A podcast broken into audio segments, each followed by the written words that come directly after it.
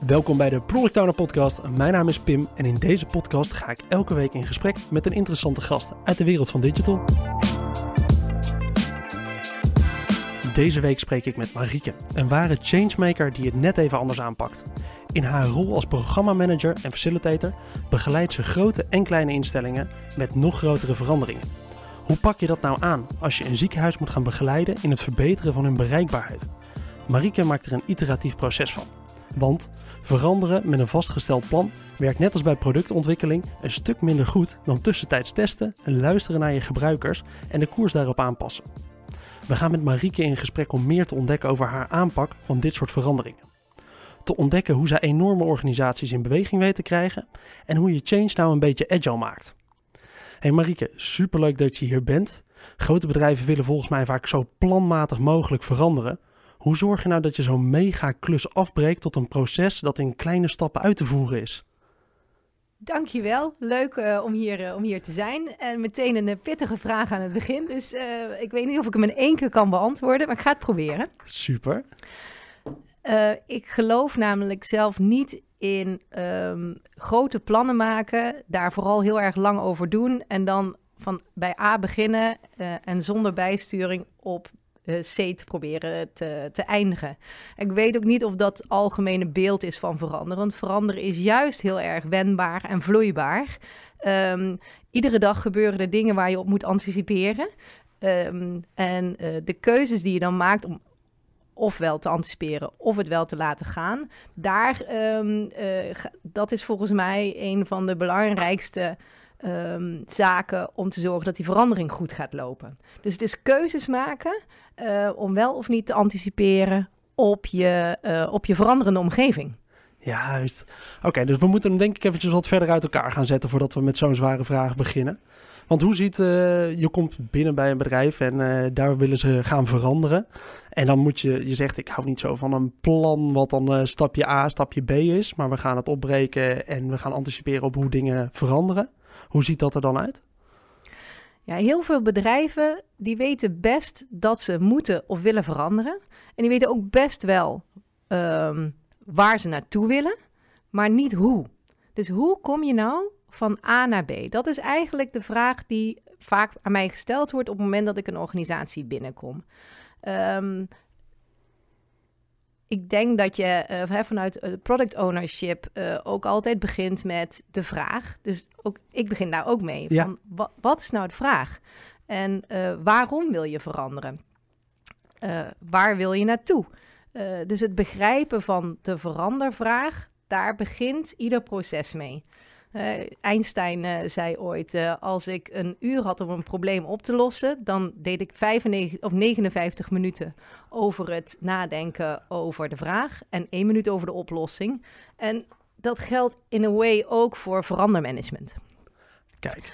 Dus het vaststellen van waar wil je naartoe, waarom is dat en het begrijpen, daar begin ik altijd mee. Ja, precies.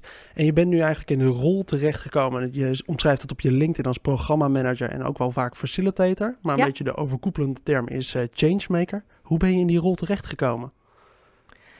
Ik ehm, heb geleerd door toch wel behoorlijk wat eh, eh, vlieguren te maken. Dat ik erg goed ben in het verbinden van strategie naar de dagelijkse praktijk. Dus wat moet je doen vandaag om overmorgen ergens te zijn? En daar word ik ongelooflijk eh, blij van. Dat vind ik echt geweldig om mensen in te mogen begeleiden. Dus eigenlijk ben ik ehm, door heel veel te doen erachter gekomen waar mijn hart en waar mijn passie ligt. En het is gewoon een cadeautje om dat iedere dag te mogen doen. Ja, en waar ga je dan zo op aan in dat proces? In het begeleiden van, van mensen en van teams om ze te laten zien dat dingen anders eh, kunnen. En, en ik ben daarin dan echt de facilitator. Dus ik, ik begeleid het proces en de mensen doen het zelf. En heel vaak denken ze op voorhand dat ze dat niet kunnen. En Ja. dan de, de, de, de, de overwinning dat het dus hun zelf gelukt is, ja, daar word ik dan weer blij van. Super. Ah, dit snap ik wel dat je daar energie van krijgt. En we hadden het er ook al eventjes over dat je, eh, het is met name eventjes die energie van de verandering krijgen en het resultaat van die doelen halen. Maar ja, daar heb je ergens toch een doel wat je gaat zetten en eh, waar je naartoe gaat werken. Ehm, dat proces lijkt me wel eventjes ingewikkeld met zo'n organisatie. Hoe bepaal je nou dat doel met zo'n club en hoe ziet die begrijpfase eruit? de organisatie heeft vaak zelf al wel een beeld bij waar ze naartoe willen. Ja. Dat is vaak ingegeven door uh, marktomstandigheden, arbeidsmarktontwikkelingen, uh, productontwikkeling. Uh, in het geval van het ziekenhuis waar ik nu, waar ik nu werk, was het een bereikbaarheid van de patiënten die onder, onder druk staat. dus klanten, in dit geval patiënten, die ja. um, de, de dienstverlening onvoldoende vinden. Dus er, er is altijd wel een veranderwens aanwezig. Snap ik. Ja, die huidige opdracht waar je zit inderdaad, het veranderen van of het verbeteren van de bereikbaarheid van dit ziekenhuis. Uh, wat was in dit geval dan de klantvraag? Hoe zag dat eruit en wat hadden zij zelf al als plan staan? Um, uit onderzoeken, patiënttevredenheidsmonitoren en dergelijke bleek al een tijdje dat de bereikbaarheid van de polyklinieken te wensen overlaat. En dat uh, patiënten niet altijd of vaak niet juist in één keer goed geholpen kunnen worden? Nou, dat, is een, dat is een hele duidelijke vraag. Um, de oplossingsrichting die daarvoor gekozen was, op voorhand al, was uh, om polykliniekprocessen die niet per se op de polykliniek plaats hoeven te vinden. Ik ga nu in detail. Dan dus, gaan we in detail. Ja, neem, maar neem eventjes mee in het beeld. Ja, leuk. Uh, om die te centraliseren. Ja. Polyklinieken hebben allemaal een specifiek een, een specialisme. Ja. je hebt polykliniek voor oogheelkunde, polykliniek voor oncologische zorg, polykliniek voor chirurgie. Nou, zo heb je er twintig ongeveer hè, in een groot ziekenhuis. Um, en die uh, doen allemaal min of meer hetzelfde, alleen met een ander specialisme. En dat doen ze op die twintig verschillende plekken. Nou, de oplossingsrichting om de, onder andere de bereikbaarheid van de polyklinieken te verbeteren, is door de eenvoudige processen te centraliseren. Ja. En uh, met die opdracht ben ik, uh, ben ik gestart. En om antwoord te geven op je vraag van hoe pel je nou zo'n opdracht af? Want daar gaat het Precies, uiteindelijk over. Hè? Ja. En, en welk hoe zorg je dan dat je scherpe doelen stelt en dat je die kunt halen? Um, nou, ik zei het straks al dat je dan begint met het begrijpen van het probleem. Ja. Uh, dus het spreken met stakeholders. Wat is nu echt het probleem? Daar begin ik eigenlijk altijd, uh, altijd mee. En dan um, kun je op basis van een aantal interviews, die kun je echt in een week kun je verschillende stakeholders spreken. En door ze allemaal dezelfde vragen te stellen: wat gaat okay. er goed? Wat kan er beter? En waar moet je eigenlijk morgen mee stoppen? Hè, de stoppen, starten, doorgaan, heb je vrij snel beeld bij de vraag achter de vraag. En op het moment dat die gedefinieerd is, kun je dus met, met de opdrachtgever, met de klant zeggen van nou, dit is wat ik opgehaald heb. Zo ziet volgens mij jullie probleem eruit. Op basis van wat jullie zelf zeggen, uh, door een wat ruimer, uh, ruimere achterban eigenlijk te consulteren. Nou, over het algemeen, um, doordat je die, die vrij eenvoudige vorm van um, vragen hebt gebruikt, Precies. heb je daar ook een goed beeld bij en klopt. Uh, zegt dan een opdrachtgever, ja, dat klopt inderdaad. Fijn dat een je dat zo... de herkenning opzoeken daar, ja? Ja, ja. Um, veranderen begint met draagvlak, hè? Als, ja. je, uh, als je geen draagvlak hebt, dan moet je ook niet beginnen, denk ik. Um, dus op het moment dat je dat gedaan hebt, kun je dus, heb je je probleem beter begrepen. Hè? Kom weer bij dat begrijpen. En dan kun je zeggen van, hoe gaan we dat nou afpellen? Um, in design sprinting, Google Design Sprinting, gebruik je methodes die ik, uh, die ik vaak ook uh, gewoon uh, eruit pluk. En, Tussendoor en gewoon eventjes toepas. enkele technieken, ja.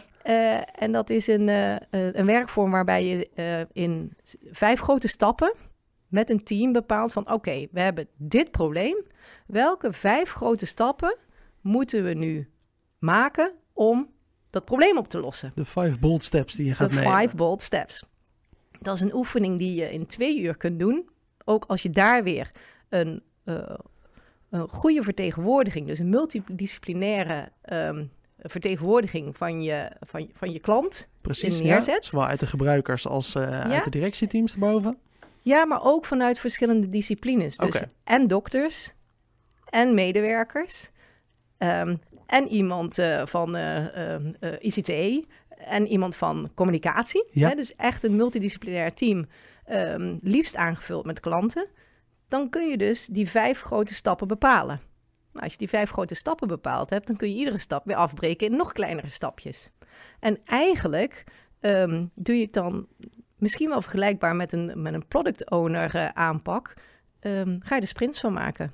Alleen een verandersprint is niet in twee weken um, een, uh, Dit een, digital ja. oplevering. Ja.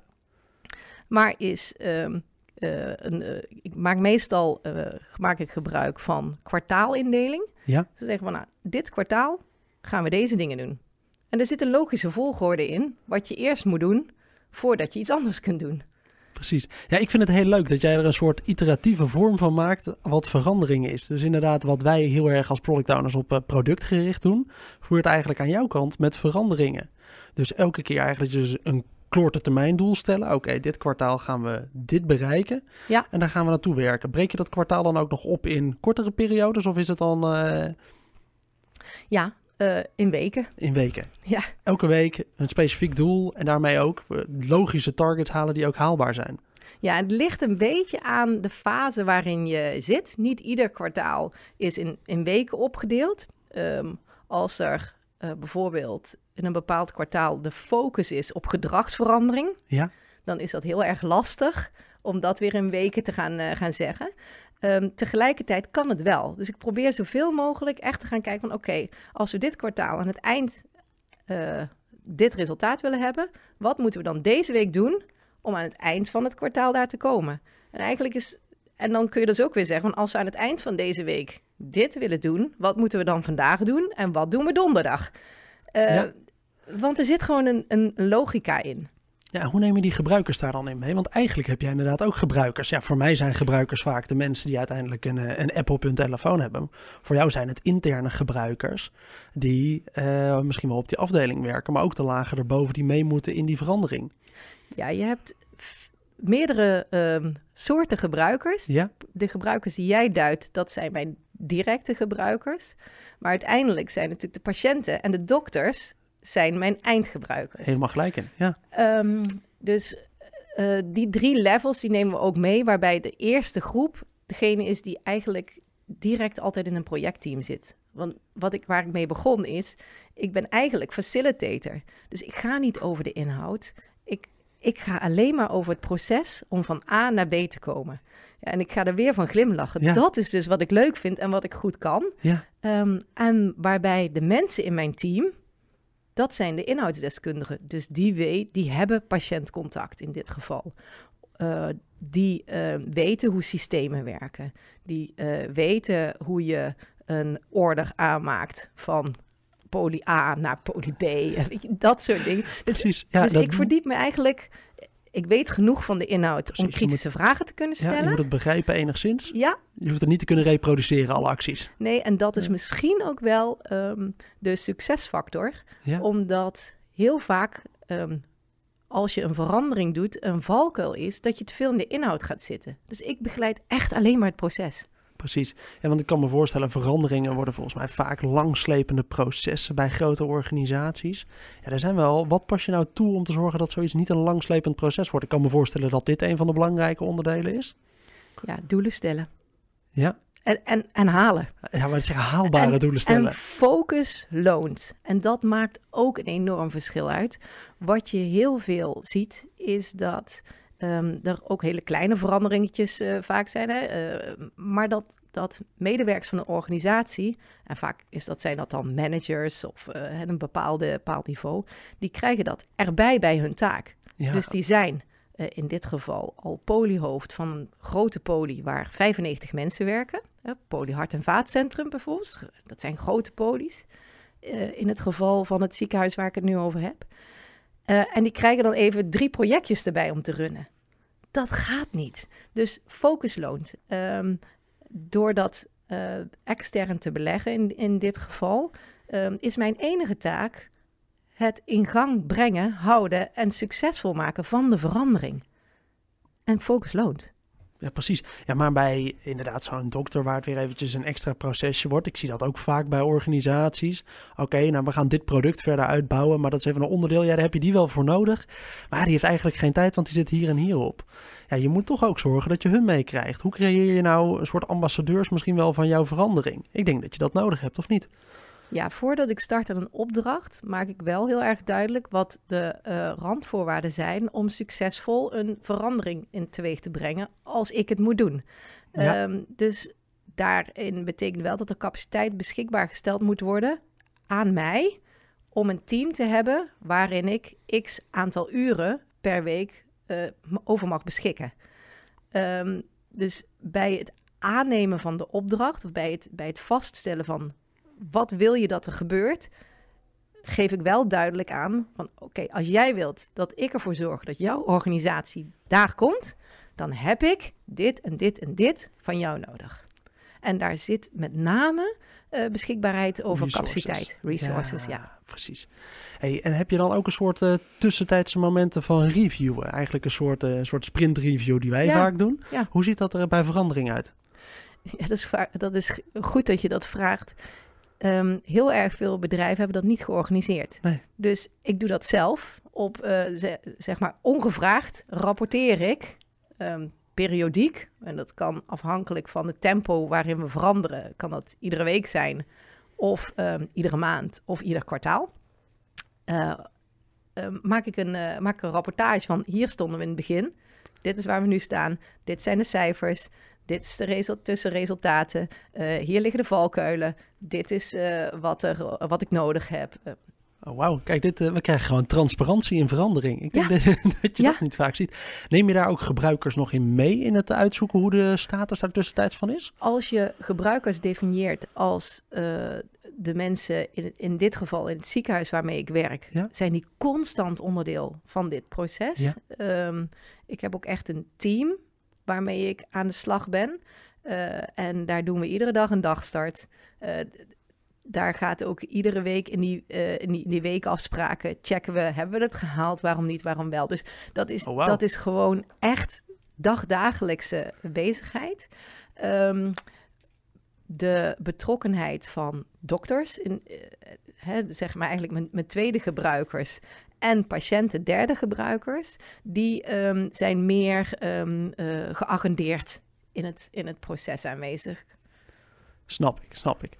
Ja, dat is wel een gave manier eh, om op die manier toch iedereen wel eventjes te betrekken bij, eh, bij verandering. En daarmee hou je ook iedereen meer, denk ik, in een ambassadeursrol dan dat ze alleen maar blijven zitten in, nou, ik zit in deze achtbaan, we gaan blijkbaar een verandering door en ja, we zien wel waar we uitkomen en welke hobbels we onderweg hebben.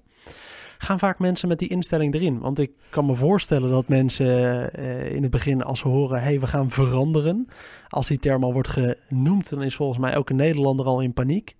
Ehm, maar je moet iedereen eigenlijk wel in een soort actieve rol krijgen om mee te gaan. Maak je dat nou nog vaak mee dat mensen gewoon gaan zitten en zeggen: Ja, ja ik weet niet wat hier gaat gebeuren. Nou, ik maak het wel mee, maar eh, het maakt me eigenlijk niet zoveel uit. Ik ga hier niet te veel eh, mee doen. Altijd. Altijd, hè? Ja, zo begin ik altijd. Ja, wat, Mensen houden van verandering en eh, zien een lonkend perspectief. Maar du moment dat ze zelf moeten veranderen, houdt alles op. dat bovenaan het randje staan, vlak voordat je naar beneden springt. Ja, Ja, dus ehm, als ik eh, met teams aan de slag eh, ga, dan is meestal de veronderstelling van leuk dat je er bent, maar wij hebben je niet nodig. ja precies. Ehm, ja, ik vind dat. Ik, ik behandel dat altijd met heel veel respect. Ja. Omdat ik er ook echt in geloof dat je, om het zo maar te zeggen, met honing meer eh, vliegen vangt dan met azijn. Eh, dus ik ga altijd vanuit een positieve eh, insteek en ook vanuit een bedrijf of een organisatie of een instelling ehm, heeft een bepaalde veranderbehoefte, maar dat betekent niet dat eh, waar ze nu gekomen zijn niet goed is. Precies, ja. En- ja. Dat is wel vaak ehm, hoe een verandering gebracht wordt. Wat we nu doen is niet goed, we moeten iets anders. Nee, wat we nu doen is met alles wat we wisten, naar eer en geweten, het beste wat we nu kunnen. Maar het is niet meer goed genoeg. Dus we moeten er iets aan toevoegen of iets van afhalen of eh, een, een bochtje meer naar links of naar rechts maken om weer ehm, onze klanten tevreden te krijgen, om relevant te blijven, om wat voor een reden er dan ook is.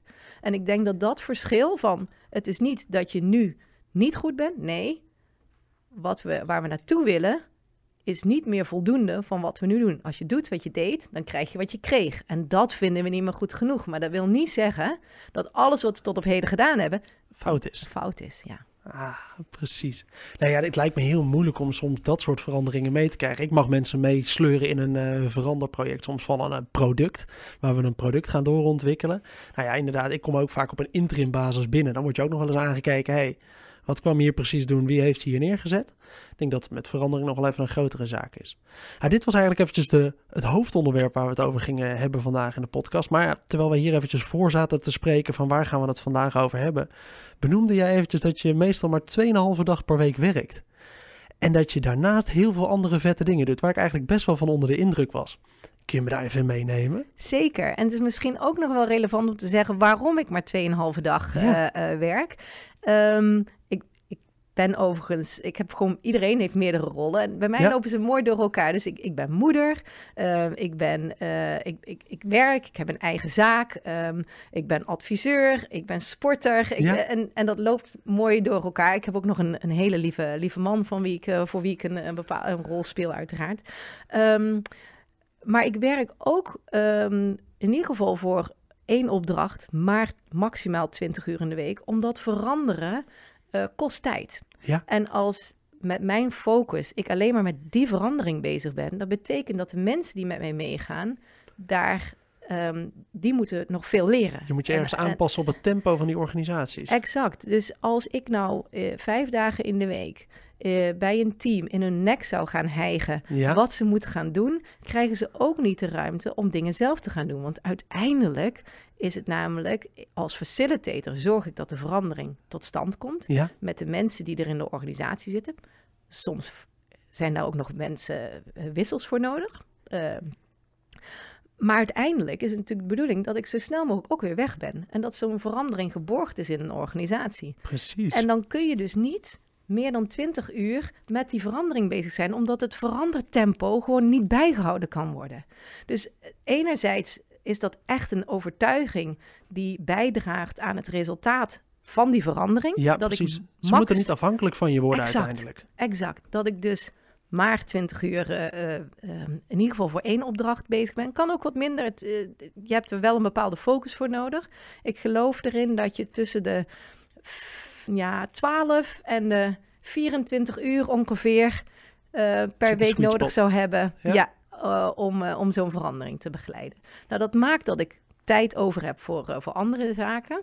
En dat, is, dat zijn regelmatig zijn dat hele toffe opdrachten door focus sprints en design sprints te doen. Ja, Waarbij je kort cyclisch een organisatie begeleidt om ze tot een, een challenge te oplossen met een, met een challenge. precies. Ehm, ik eh, besteed ook veel tijd aan, eh, aan sporten eh, en aan mezelf dus. En als ik al die rollen dan, dan vervuld heb, ehm, eh, werken, moeder zijn, voor mezelf zorgen, Ja, dan heb ik ook nog tijd over om eh, voor anderen te zorgen. Dus ik ben eh, eh, bestuurder bij een maatschappelijke organisatie. En ik ga met enige regelmaat voor goede doelen challenges aan. en, en wat voor challenges? ik ben een aantal jaar geleden ben ik voor War Child heb ik de Kilimanjaro beklommen. En ehm, in mei ga ik voor Amra Flying Doctors ga ik 400 kilometer mountainbiken in Malawi. Zegt ze eventjes alsof het niks is. Ja, ik ga eventjes 400 kilometer mountainbiken in Malawi. Wat moet ik me bij die tocht voorstellen? Wat ga je doen dan?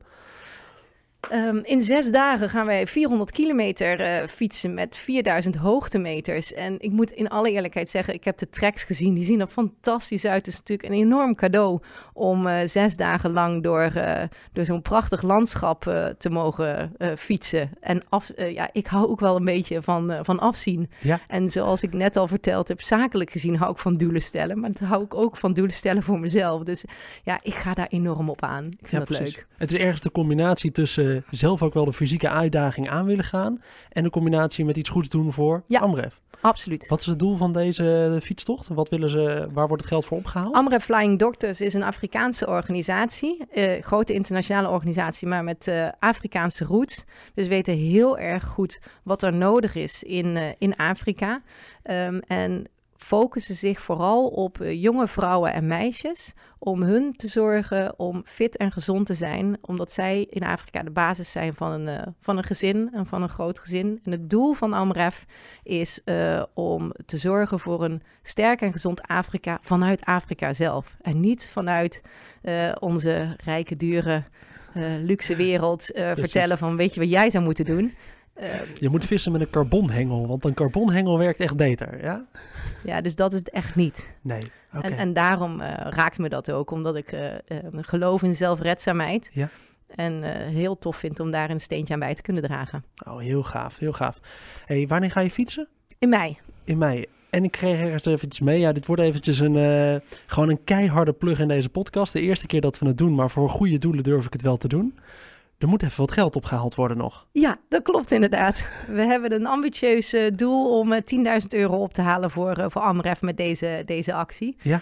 Uh, dus um, nou ja, alle bijdragers uh, zijn meer dan uh, welkom. Ah, Vanaf een tientje kunnen we al een, een, een, kind aan, aan zuiver drinkwater helpen. En dat Ja. is natuurlijk de basis van, van een gezond leven. En ik hoorde ergens voor 400 euro de mobiele vaccinatiepost. En voor 400 euro Kijk, mobiele vaccinatiepost. mocht je dat willen doen, dan eh, vind je de link daarover wel eventjes op de LinkedIn van Marieke. En eh, we zorgen in ieder geval dat die in de beschrijving van deze podcast staat. Heel graag, dankjewel alvast. Top. Ah, dat is super gaaf. Hey, maar heel eventjes nog terug. eh, Kilimanjaro, viel, eh, Kilimanjaro viel ook al eventjes net tussendoor als woord. Wat heb je geleerd van die tocht? Want eventjes een berg beklimmen. Kilimanjaro is volgens mij bijna 6000 meter ja, hoog. 6000, ja. Wat heb je geleerd van die tocht? Wat is daar echt uit bijgebleven? Ehm, dat je je doelen stapje voor stapje moet halen. En dat je echt de ene stap nodig is om de volgende te kunnen zetten. En als je dat eh, in rust en met een, eh, een duidelijk doel voor ogen wil, dan kun je het. Oké. Stapje voor stapje, elke keer weer eventjes verder. Maar hoe lang, heb je, hoe lang doe je over de tocht naar de Kilimanjaro, naar de top? Vijf dagen naar boven en Ja. twee naar beneden. Maar er zijn ook mensen die doen dat eh, veel sneller. Jij Ehm, hebt er alleen even rustig een week tijd voor genomen. Ja, Ja.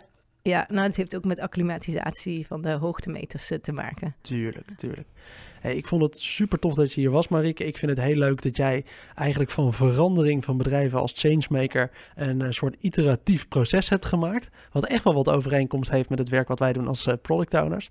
Ik heb nog even één laatste vraag hier in deze podcast altijd. Wat weet je nu waarvan je zo graag had gewild dat je het wist toen je begon? En beginnen in de zin van... Met werken. Wat heb je nou geleerd na 20 jaar werken, of misschien nog eh, iets rond die periode zal het zijn? Wat heb je geleerd in die periode waarvan je denkt, nou, had ik mezelf dat na mijn studententijd maar kunnen vertellen? Geduld. Geduld? Ja.